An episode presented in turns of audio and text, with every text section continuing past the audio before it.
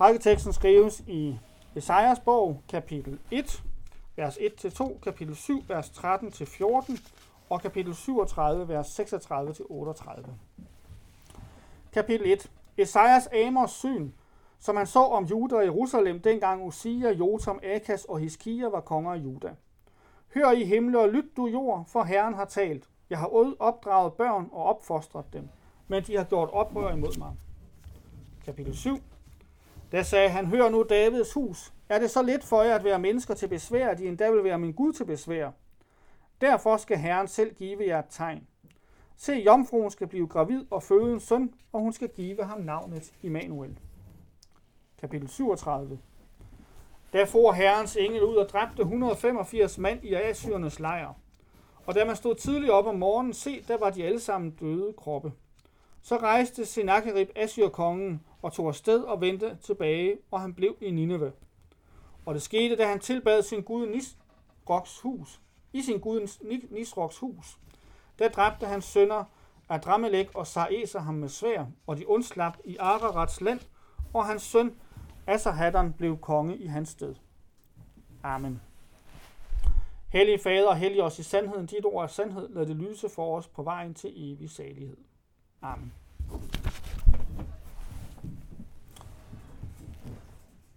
Noget være med jer, og fred fra Gud vor Fader, og fra Herren Jesus Kristus. Amen. Esajas bog, den bliver citeret mere end de andre profeter til sammen i det nye testamente. Det kaldes også indimellem for det femte evangelium, eller Esajas evangelium, fordi Esajas han profeterer så meget om Messias, øh, så han nærmest beskriver øh, evangeliet. Han levede før eksilet fra kong Osia og frem til Hesekias. Han var samtidig med Mika, som vi kiggede på sidste søndag. Vi deler Esajas bog op i to, så vi i dag kigger kun på kapitel 1-37. Den første del af Esajas, den første del af første del af Esajas, er fra kapitel 1 til kapitel 5.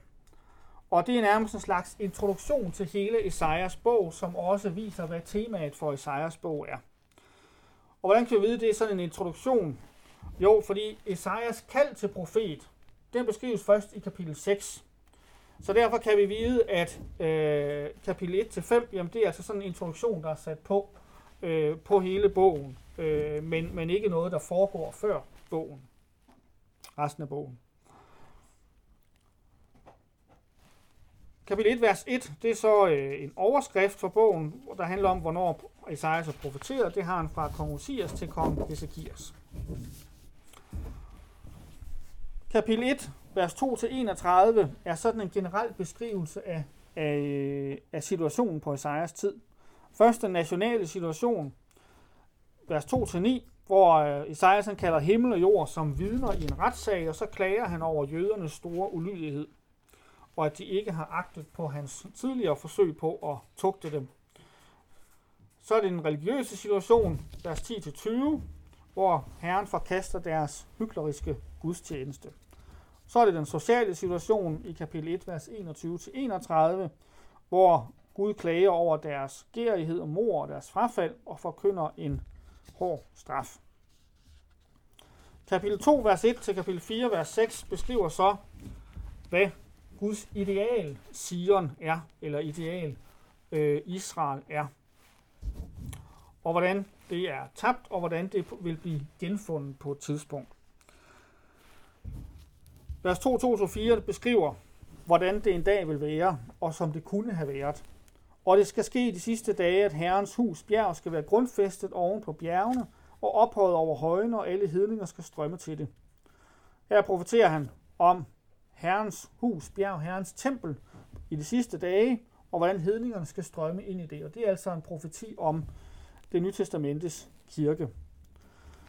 Men i kontrast til det står så, hvordan Jerusalem er nu, altså på Isaias tid, øh, hvor han så skriver om de fleste jøders forkastelse for deres vantros og hårdmodigheds skyld, og formaner dem til at omvende sig. Han forkynder fra kapitel 2, vers 22 til kapitel 4, vers 1, dom og straf, som skal komme over alle, både høje og lave, for deres mange synders skyld. Og her begynder han så også at sammenligne Israel med sådan en vingård i kapitel 3, vers 14, hvor han siger, Herren vil gå til doms over de ældste af sit folk og over dets fyrster. I har fortæret vingården, rov fra den fattige er i jeres huse. Og det her billede af Israel som en vingård, det er altså noget, eller Guds folk som en vingård, er altså noget, der går igen igennem Esajas. Han taler om Sions døtres store pragt og hovmod. Også her i kapitel 3. Og så i kapitel 4, så begynder han at profetere om den storhed, der vil komme igen. Han profeterer om Kristi rige og velgærninger imod dem, som omvender sig, og hvordan de skal renses ved Guds ånd og beskærmes. Der står der, på den dag skal Herren spire være til pragt og herlighed, og landets frugt til stolthed og pryd for Israels undslupne. Herren spire, det kan man i hvert fald se øh, sådan i bagspejlet, jamen det er Guds søn. Og landets frugt, ja det er nok hans menneskenatur, der tales om. Og så tales der om Israels undslupne, øh, Israels rest, øh, som skal undslippe den dom, som kommer over Israel. Øh, og så beskrives det, hvordan Gud han vil bo i blandt dem. Øh, og det beskrives på en måde, så det ligner, hvordan Gud han var i blandt dem i ørkenvandringen, hvor øh, Gud gik øh, sammen med dem i den her sky. Den første del af første del, den slutter så med kapitel 5, hvor Esajas han fortæller den her lignelse om vingården, øh, hvor Gud har gjort alt for den her vingård. Og så står der i vers 4, hvad mere kunne der gøres ved min vingård, som jeg ikke har gjort ved den? Hvorfor ventede jeg, at den skulle bære gode druer, og den bar vilde druer? Og det er en beskrivelse af Israel og Juda, kan man så se i vers 7. Til den herre Sebaots vingård af Israels hus, og Judas mænd af hans lystplantning. Og han ventede lovlighed, men se, der blev lovløshed. Retfærd, men se, der blev voldsfærd. Og derfor, jamen så råber profeten V over frugterne af vingården i kapitel 8-23 og beskriver det, de her forskellige synder, som, er, øh, som de er fyldt af i Israel. De gærer, de vellystige, sikre og stolte, ugudelige og spotter og selvkloge og drankere og uretfærdige dommere. Og derfor forkynder han så Guds straf over Israel, over Juda, over Jerusalem, og det ender i vers 30 med, at de skal bruge sig ind over den på denne dag, som når havet bruser, altså fjenderne. Og skuer man til landet, der se, der er trængselsmørke, og lyset er for mørke, og mørket er de tykke skyer. Så første del af Esajas her ender med dom og mørke, men altså også sådan en væksten mellem løfterne om det fremtidige Sion, og så dommen over det Sion, der er nu med dets sønder. Og så kapitel 6-12 er måske den vigtigste del af, af første del af Esajas her. For det er her, hvor der kommer flere direkte profetier om Messias. Det gør der så igen hen i, i slutningen af Esajas, som vi har næste søndag. Øh, men her kommer der nogle direkte profetier om frelseren. Og det begynder med Esajas kald som profet. Esajas er i templet, og han ser Guds herlighed. Der står i kong Usias dødsår, så jeg Herren sidde på en høj og ophøjet trone, og hans slæb fyldte templet. Der stod serafer over ham. Hver af dem havde seks vinger, med to skjule de ansigter, med to skjule de deres fødder, og med to fløj de. Og de råbte til hinanden og sagde, Hellig, hellig, hellig er herskars herre. Hele jorden er fuld af hans herlighed, som vi jo også kender fra nadverlisogien. Herren er i templet, og Isaiah ser ham der. Øh, så det er øh, Guds søn, han ser i templet, som også var i skysøjlen, som var i tabernaklet i, øh, i ørkenen, eller i åbenbaringsteltet i ørkenen, og sidenhen i templet. Esajas han beklager sig over sin urenhed, og frygter, at det er ude med ham. Og så kommer en af de her serafer, en af de her engle, altså hen med noget glødende kul fra alderet og berører ham med det og siger, at hans synd er sonet. For her tilgives profeten øh, med det her fra brandofferældret, jo, som altså er et af det gamle testamentes øh, sakramenter, øh, som var også et billede på Kristi frelsergærning. Han får altså tilgivelse, og så får han også en befaling om, at han skal prædike for Israels folk. Han skal prædike, men folk vil ikke forstå det, og landet skal lægges øde, og folket føres væk. Og så står der, bliver der en tiende del til over og det skal også den ødelægges. Men ligesom der bliver en stup tilbage til at binde den og stene en, når de er fældet, sådan skal denne stup være hellig sæd. Så der tales altså om en dom over Israel, over Juda, også over hele folket, hvor kun noget skal blive tilbage, men den del, der er tilbage, skal være hellig sæd. Deraf skal den her øh, herrens spire på et tidspunkt vokse frem.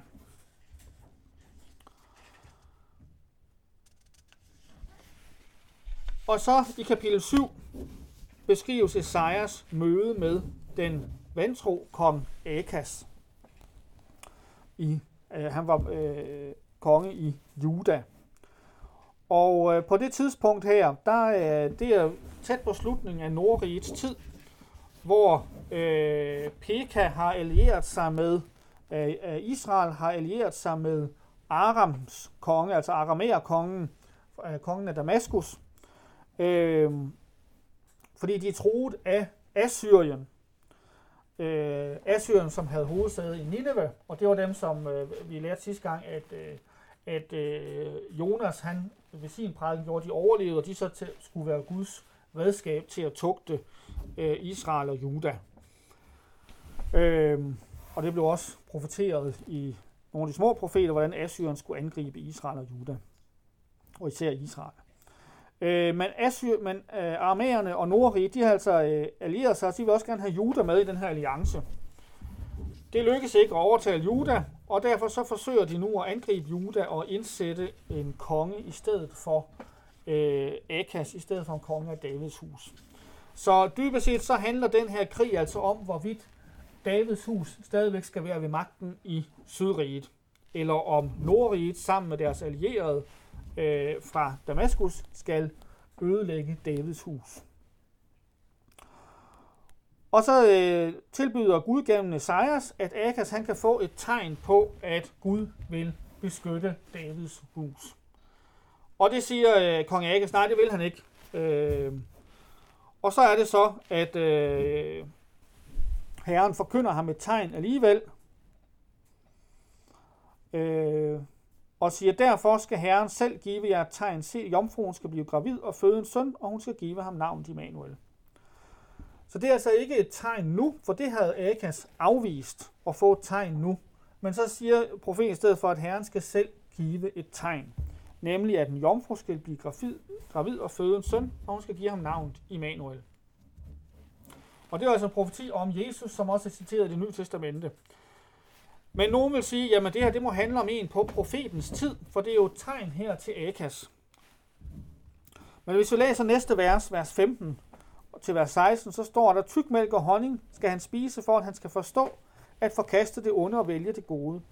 For inden drengen forstår at forkaste det onde og vælge det gode, skal det land, hvis to konger du gruer for, blive forladt. Tykmælk og honning skal han leve af. Det var fattigmands spise, der skal vise, som er sådan et tegn på, at landet bliver lagt øde. Så øh, før han når øh, den alder, hvor man normalt kan skelne mellem ondt og godt, jamen der skal, øh, der skal landet altså lægges øde. Og det er altså Judas land. Og denne fattigdom skal lære ham at skelne mellem godt og ondt, altså lære ham lydighed. Før dette, så skal Syrien og Israel også ødelægges, Inden drengen forstår at forkaste det under det gode, skal det land, hvis to konger du gruer for, blive forladt. Esajas er ikke endnu helt klar om øh, i øh, mailet om, hvornår det her barn skal fødes, men det er i hvert fald efter, at øh, Syrien og øh, Israel Nordriget er lagt øde. Men så fortsætter han og taler også om, hvordan Assyrien skal plage ju, øh, judæerne og siger, over dig og over dit folk og over din fars hus skal Herren lade dage komme, der ikke har været siden den dag Efraim faldt fra Juda, Assyriens konge. Og hvad var det, der skete den dag Efraim faldt fra Juda? Det var, at en stor del af riget forlod, øh, forlod øh, Juda. Det her det beskriver begyndelsen på den ødelæggelse, der skal gøre, at Immanuel skal vokse op på tykmælk og honning. Og det var også sådan, at efter kong Akas, så blev de reelt mere eller mindre vasalkonger for Assyrien. Esajas han giver så et andet tegn, et her og nu tegn, nemlig at han får et barn, eller Gud giver tegn med profeten, et barn, der skal hedde Maher Shalal Hasbas. Og det skal ikke som Immanuel være et tegn på Guds nåde, men et tegn på Guds straf. Det er altså konsekvensen af Akas vantro. Akas ville ikke bede om et tegn, selvom Gud sagde, bed om et tegn. Øh, så i stedet for det tegn, som han kunne have fået, så, så øh, tages tales der først om det tegn, der en dag skal komme, nemlig Immanuel, men så også om et domstegn, nemlig det her barn, der skal fødes af profeten. Og så beskrives Assyrkongen som en flod, der går over sine bredder ind i landet. Og den skal bryde ind i Juda, skylle over og strømme over og nå til halsen, og hans udbredte vinger skal fylde dit land, o Immanuel, så vidt som det er. Og her der tales der altså om Judas land som Immanuels land. Ikke som kong Akas land eller kong Hesekias land, men dybest set som Immanuels land. Og Immanuel, ja, det er selvfølgelig Jesus Kristus, Gud med os, som det betyder. Men der skal forblive en lydig, troende rest i Juda. Folkeslagen skal lægge planer imod Gud, men i sidste ende har Immanuel magten. Kapitel 8, vers 9 øh, til 10. Øh, I vers 10 står der, øh, læg en plan, som den, men den vil blive til intet, udsted en ordre, men den vil blive, ikke blive udført for Gud er med os, eller for Immanuel. Så her beskrives Immanuel som en, der har magten over alle ting. Så de gudfrygtige jøder skal ikke frygte, de skal forlade sig på Herren, som skal beskærme dem. Og det kan man sige, det er temaet igennem meget af Isaias bog, det er, at de skal stole på Herren, for Herren har en plan med Judas folk.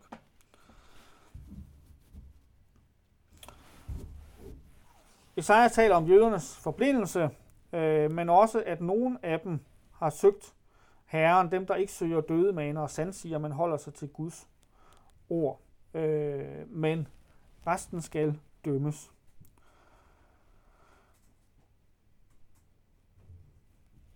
Og så er det altså midt i det, der han så kommer tilbage til det her barn.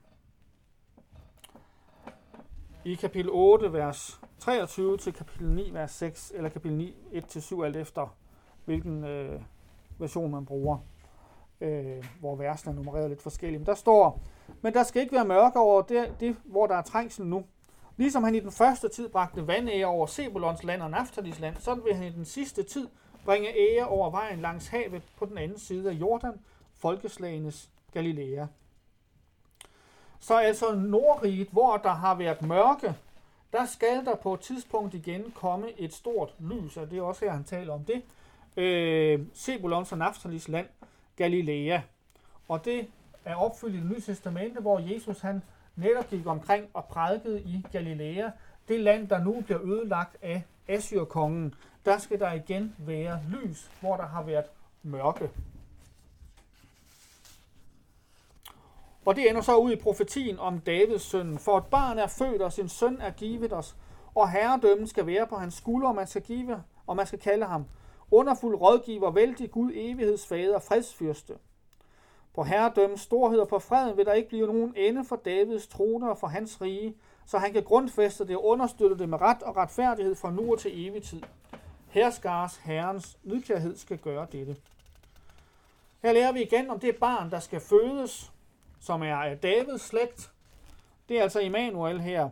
Men også, at han er vældig Gud og evighedsfader. Så det her Immanuel, som betyder Gud med os, det handler altså om, at han skal være Gud selv, samtidig med, at han skal være menneske.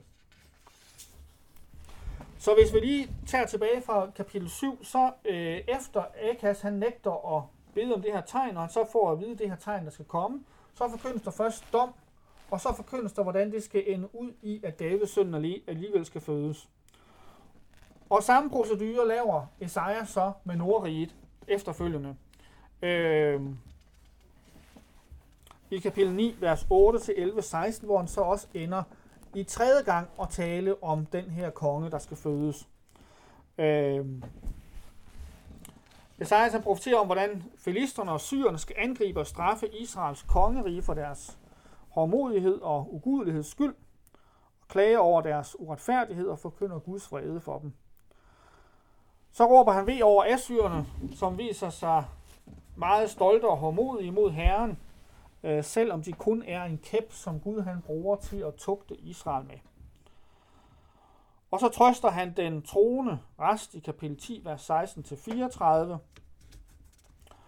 og siger, at det skal ske på den dag, at de til oversblivende Israel og de undslupne af Jakobs hus ikke mere skal støtte sig til ham, som slår det, men de skal støtte sig, til oprigt, sig i oprigtighed til Herren, Israels hellige. De til oversblivende Jakobs rest skal omvende sig til den vældige Gud. Og så profeterer han så igen om Messias. Men der skal spire et skud frem af Isais stub, og en kvist af hans rødder skal bære frugt. Og Herrens ånd skal hvile over ham, visdom og indsigtsånd, råds og styrkes ånd, den ånd, der giver kundskab og frygt for Herren. En stub af Isais, ja, Isais stub, et skud af Isais stub, og Isai, jamen det er jo altså Davids far, så det betyder, at det er Davids slægten, der var skåret ned til en stup, og så skal der komme en kvist af rødderne derfra. Og over ham skal Herrens ånd hvile. Han skal omvende hedninger og samle jøderne og frelse dem fra deres fjender. Vers 10, og det skal ske på den dag, at folkeslaget skal spørge efter Isais rodskud, der står som et banner for folkene, og hans bolig skal være herlig. Og så antydes det, at det her det altså skal ske efter, at Juda også har været i eksil. Det, som man kunne vide tidligere, det var, at det var efter, at Nordriget havde været i eksil og var blevet ødelagt, der skulle Immanuel fødes. Men nu siger Isaiah så, og han skal rejse et banner for hedningerne og samle de fordrevne af Israel sammen og samle de spredte af Juda fra jordens fire hjørner. Så her tales der også, altså også om, at Juda skal være i eksil. Og hans frelserværk beskrives som en ny udgang, som den af Ægypten.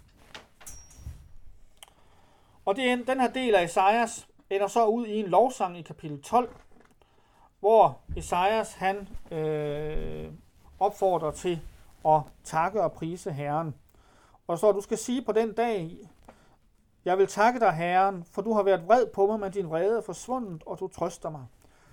Så hvor kapitel 6 begyndte med Esajas kald, hvor han blev tilgivet sine sønder, så ender, øh, så ender øh, den her del af Esajas ud med, at det profeteres, hvordan Israel skal glæde sig over, at Guds vrede er forsvundet over hele folket. Lovsyng Herren, for han har gjort herlige ting. Dette er blevet kendt på hele jorden. Råb højt og syng med fryd, du kvinder, der bor i Sion, for den hellige i Israel er stor i din midte.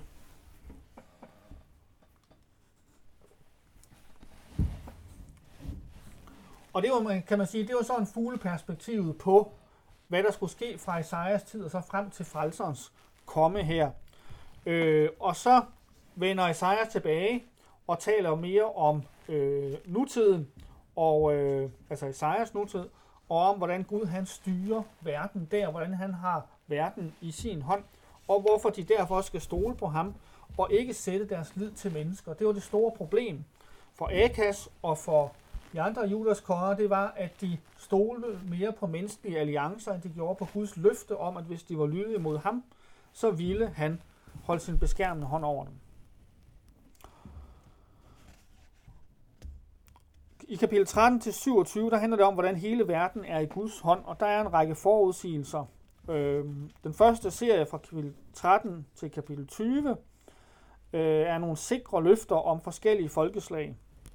Der tales først om Babylons ødelæggelse, kapitel 13, vers 1-14, 27. Øh, der tales derom, hvordan øh, mederne og perserne skal ødelægge Babel, og øh, Esajas han beskriver den store elendighed, der skal komme over dem, og hvordan Babel skal blive som Sodoma og ikke mere beboes, og hvordan jøderne derfor skal fries fra deres fangenskab. Så tales der i kapitel 14, vers 28-32 om filistrene, der glæder sig over, at det ser ud som om, at Davids rige bliver ødelagt. Men øh, Gud har stadigvæk et mål med Davids slægt. Så kapitel 15 til 16 om Moab, øh, Moabiterne. Det var dem, der også fristede Israel på den anden side af Jordan, før de gik ind i landet, øh, som var beslægtet med Israel. Og de formanes til, at de skal føre lam til Jerusalem til kongen, og de skal låne de forjagende jøder, eller de, de jøder, der er i eksil, deres hus, fordi Messias han vil bygge et bestandigt rige en dag, som de skal være en del af. Øh, men det gør de ikke. De er hårdmodige, og øh, derfor skal de ødelægges. Så beskrives Damaskus og Efraim, det vil sige Nordriget, som jo altså er der, hvor dem, der lige nu ligger i krig med Juda og Sydriget. Øh, og Isaias han profeterer om det syriske og israelitiske riges ødelæggelse ved assyrerne. Øh, og hvordan den her straf, den skal lede de andre jøder til omvendelse. Så profeterer han også om assyrernes ødelæggelse. Øh, og han profeterer om nubierne eller kusitterne, som vil fol- samle folk til en anti-assyrisk alliance, øh, ligesom den Efraim eller Nordrig eller Syrien har lavet, men at det vil gå øh, galt. Og så prædiker han også om, hvordan kusitterne eller nubierne en dag også vil omvende sig. Så spørger han om Ægypternes ødelæggelse. Ægypten, det var noget, som øh, israelitterne her forsøgte at se, om de kunne, eller judæerne forsøgte at se, om de kunne ligesom gå i forbund med imod assyrerne og forsvare sig mod assyrerne. Øh, men øh, det skal også falde fra hinanden, øh, Ægypten. Og han prædiker dog også om Ægypternes omvendelse. Øh, så i kapitel 21 til 23 prædikes der, taler han om øh, Babylon blandt andet, øh, hvordan Babylon skal ødelægges igen, og det er muligvis en ødelæggelse af Babylon på Esajas tid, Øh, som ikke er den endelige ødelæggelse, men fordi de allerede der forsøg, begynder at forsøge at gøre oprør mod assyrerne. Det er Babylon, der til sidst kommer til at, og, øh, at ødelægge assyrerne, og så bliver de så et store rige, i stedet for at der så ender med at ødelægge Juda. Øh, men de forsøgte nogle gange først, øh, og spørgsmålet er, om Messias han her taler om den, en af de ødelæggelser, øh, eller om det først er den senere ødelæggelse ved medierne og perserne, som så ødelægger babylonerne. Øh, så vi har Assyrerne først, der angriber Israel og Juda, der tager Nordriget i eksil. Så har vi babylonerne, der tager judæerne i eksil, og de ødelægges så af mederne og perserne, som ender med at være dem, der så lærer judæerne komme tilbage. Øh, der tales om forskellige folkeslag her om edomitterne, der skal straffes, og øh, araberne og kitarinerne, der også bliver bliver angrebet af assyrerne. Øhm. Og så vender Isaias tilbage til at tale mod Israel i kapitel 22. Han profeterer om det jødiske lands og Jerusalems ødelæggelse og trængsel ved assyrerne. Øh, ikke deres fuldstændige ødelæggelse, men angrebene fra assyrerne. Øh, og så taler han om en, øh, en øh, embedsmand, Sebna, der bliver bortført for sin stoltheds skyld, og formaner Eliakim, som skal øh, sættes i hans sted, så han ikke også bliver stolt. Og så er der en profeti om Tyrus, der skal ødelægges øh, af assyrerne også, men også om, at de efter en tid, der skal de få deres tidligere velstand igen, og så skal de helliges, og øh, det opfyldes i øh, formodentlig, at de hjælper med at genopbygge øh, templet i Jerusalem efter eksilen. I kapitel 24 til kapitel 27, der ser Esajas frem mod enden. Han profeterer om enten landets eller jordens ødelæggelse i kapitel 24, og taler så om, hvordan der skal, øh, der skal blive nogen til overs, som sammen med de omvendte hedninger skal love Gud, mens jorden eller landet ødelægges. Og så profeterer han om Guds fjenders ødelæggelse, om sin store nåde mod Guds folk, Og i kapitel 25, der taler han så om øh, Guds folk, der priser Gud for deres fjenders ødelæggelse, men også om øh, Messias rige, som beskrives som sådan et festmåltid. I kapitel 25, vers 6. Herskars herre skal holde et måltid med fede retter for alle folkeslag. På dette bjerg et måltid med lagret vin, fede, magfulde retter med lagret klar, klaret vin. Og det er måske også det, der henviser til det nye testamente, når Guds rige nogle gange der sammenlignes med et måltid, som der indbydes til. Men det taler Isaias altså om her. Det gør han jo altså indimellem. Han taler om, hvordan Gud han vil nedstyrte de her forskellige jordiske riger. Så kommer der så den her profeti om, at om, øh, om Guds rige, der skal være et sådan festmåltid. Øh, I kapitel 26 fremfører Guds folk lovsang for deres forløsning og formaner til, at man forlader sig på Herren. Det er altså også en profeti om det. Øh, også i kapitel 27 profeteres der om frelsen. Her profeterer Isaiah som Guds kirkes fjenders ødelæggelse, om hvordan Gud han vil gøre godt imod sit folk igen. Og der vender han tilbage til at tale om den her vingård, som han også talte om i begyndelsen, i kapitel 5, som ligesom øh, slog tonen an i Esajas, den her vingård, som han har gjort alt for, og alligevel så gav den vilde druer. Øh, og øh, om hvordan det medførte Guds straf. Men så kommer der altså et løfte her også om en vingård. Syng på den dag om en livlig vingård. Jeg, herren, er dens vogter, hvert øjeblik vander jeg den, for at ingen skal herve den, vil jeg vogte den dag og nat. Jeg er ikke vred, men lader tårne og tisle komme imod mig med krig, så vil jeg angribe dem og brænde dem op alle sammen. Hvis man ikke vil tage sin tilflugt til mig, slutte fred med mig og slutte fred med mig. I de kommende dage skal Jakob slå rødder, Israel skal blomstre for knopper, og de skal fylde jorden med frugt. Så hvor vingården under den gamle pagt, selvom Gud gjorde alt for den, ikke frembar øh, gode druer, men vilde druer, og derfor skulle straffes, så profeteres der altså her om den nye pagt, at Gud der selv vil sørge for, at den her vingård, den frembringer øh, frugt. Den skal fylde jorden med frugt, og Gud vil der sørge for den. Så det er altså en profeti om kirken som det sande Israel, som Gud selv sørger for, frembringer frugt. Den sidste del af første del af Esajas fra kapitel 28 til 37 handler om øh, Gud som historiens herre. Øh, den begynder med seks V-råb. Det første om Guds ord og Guds formål med Israel. Esajas profeterer om de ti stammers ødelæggelse på grund af deres stolthed, men også om Juda, Sydriges velstand, men også om Guds straf over Juda, hvis de fortsætter i deres synder.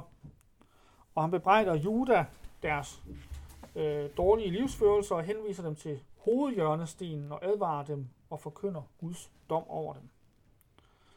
Det andet V-råb, kapitel 29, vers 1-14, der profeterer Isaias om Jerusalems ødelæggelse og øh, deres fjenders angreb på dem. Han klager over deres forhærdelse og blindhed og viser, hvordan de skal forkastes på grund af deres hyggeleri. Om det så er ødelæggelsen ved babylonerne eller øh, ved romerne senere hen, det øh, er ikke fuldstændig klart her. Men det man kan se, det er, at Esajas taler om det her med hoved, eller Paulus taler om det her med, med hovedhjørnestenen og, taler, og henviser også til kapitel 28, når han taler om tungetalen som sådan et domstegn. Så der er muligvis tale om en profeti her, om det, der skal ske, når jøderne så efter eksilet forkaster Herren også. Så tales der om en åndelig forvandling af jøder og hedninger i kapitel 29, vers 15-24. Det fjerde V-råb er i kapitel 30. Her klager Esajas over jøderne, som søger hjælp hos Ægypten i stedet for at stole på Herren. Øh. Men han lover også, at Herren skal forbarme sig over de retfærdige, der vil lytte til, øh, til Guds ord og forkaste afguderne. Og så forkynder han så også øh, Assyrernes undergang og Guds folks glæde over det i vers 27-33. Så han begynder at love, at det også skal blive forbi med Assyrerne her. Det femte V-råb, kapitel 31 til 32, 20. Her råber Isaias V over jøderne, som søgte menneskelig hjælp hos Ægypterne. Men han skal også beskærme Jerusalem, når de omvender sig til ham, og han skal slå Assyrerne og jage dem bort. Esajas profeterer om Messias rige her og de velgærninger, han skal vise gennem det. Men han tror også de selvsikre jøder og deres land med ødelæggelse. Og så trøster han de troende med, at Helligånden skal udgydes, og han tror de ugudelige og lover retfærdighed og fred. Det 6. V-råb, kapitel 33-35, der profeterer Esajas i kapitel 33 om Assyrkongens hærs undergang, og taler om Guds folks glæde over det, og om landets elendige tilstand under Assyrerne, før redningen kommer. Og så lærer han dem, hvordan de skal forholde sig, for at de kan forvente Guds nåde, og han lover sejr og fred, og siger, at Assyrerne ikke kan udrette noget mod dem. Så bruger han i kapitel 34 Edom som eksempel på sit riges fjender, og forkynder en forfærdelig udslettelse af dem. Men i modsætning til straffen over fjenderne, både Assyrerne og Edom og Guds riges fjender, så skildrer han så i kapitel 35 igen Guds rige med noget, der citeres i det nye testamente. Der står, der skal blindes øjne åbnes og døves ører lukkes op. Der skal en hals springe som jorden og en stums tunge synge med fryd. For vandet bryder frem i ørkenen og bække i ødemarken. Og vers 10. Og Herrens forløste skal vende tilbage og komme til Sion med jubel, og der skal være evig glæde i spidsen for dem. Fryd og glæde skal nå dem, og sorg og suk skal flygte. Så her profeterer han igen det mål, der er fremme ved øh, alle de her ulykkers ende, nemlig at øh, der igen skal være glæde på Sion. Afslutningen af første del af Esajas handler så om situationen på Esajas tid igen der handler om Hesekias. Assyrkongen Sankrib indtager Judas faste by og sender, øh, sender en af sine folk til kong Hesekias for at sætte folket op imod ham. Og Eliakim beder om, at han for folkets skyld skal tale syrisk, og så taler han endnu højere på judæisk. Vi har også hørt om det i kongebøgerne, den her, øh, hvor han forsøger at få folket til at vende sig mod Hesekias. Og Hesekias flænger sit tøj og sender bud til Esajas med et ønske om, at han skal bede for dem til Herren. Og Herren han trøster Hesekias og forkynder Assyrkongens undergang. Så sender Assyrkongen en udsending igen øh, med et spottende brev, og Hesekias lægger brevene frem for Herren, og Esajas forkynder ham, at Herren vil straffe Assyrkongen og beskytte Jerusalem. Og så ender det så med den her engel, der slår 185 1000 mand i Assyrernes her ihjel. Og, øh, hvad hedder han, øh, Assyrkongen dræbes af sine to sønner. Så det er første del af Esajas bog. I vers 1 til, kapitel 1 til 5 var der en introduktion, der beskriver hele situationen og hele temaet, at Gud han dømmer synden i historien. Han ydmyger dem, der har sig, men også at der er et håb for Israel som en dag skal øh, have Gud i sin midte på Sion igen. I kapitel 6-12, som så er, kan man sige, den vigtigste del her i første del af Esajas, øh, begyndes der med, at profeten kaldes og tilgives, og det slutter med den frelste menigheds lovsang. Indimellem så lærer vi om den vantro kong Akas, som, vil bringe, som bringer dom over Juda. Øh, og om Nordrigets synd, der bringer dom over Nordriget, men også om Guds løfte om Immanuel, Gud med os, Davids kongen og Isais rådskud, som et løfte, der står fast. Gud vil sende den her konge af Davids slægt, selvom han dømmer både Nordriget og Sydriget. I kapitel 13-27 lærer vi, hvordan Gud han vil udføre sin vilje med folkeslagene og har en plan med Sion, Guds by. Og folkeslagene, jamen de vil falde en efter en. Kapitel 28-37 lærer vi, hvordan Gud vil sørge for Juda, som ligger mellem supermagterne Ægypten og Assyrien. Juda har involveret sig med Ægypten og stoler på mennesker, og Gud vil lade Assyrerne angribe Juda for at vise dem, at det var forkert at stole på mennesker. Men så vil han også redde dem i sidste øjeblik. Så Esajas bog, den første del her, handler altså om, hvordan Gud, trods ugudelige riger og ugudelige konger i Israel og Juda, gennemfører sin vilje, hvordan han straffer og tugter Israel og Judas folk, men også hvordan han lover, at han ikke vil udrydde dem helt. Der skal være en rest, og ud af den rest, jamen der skal Messias altså komme af Davids slægt, og Sion skal frelses, og hedningerne skal strømme til Sion, til Guds kirke. Amen. Lov og tak og evig ære være dig, vor Gud, Fader, Søn og Helligånd, du som var, er og bliver, en sand i Gud, højlovet fra første begyndelse, nu og i al evighed. Amen. Lad os med apostlene til ønske hinanden. Hvor Herres Jesu Kristi nåde, Guds kærlighed og Helligåndens samfund være med os alle. Amen.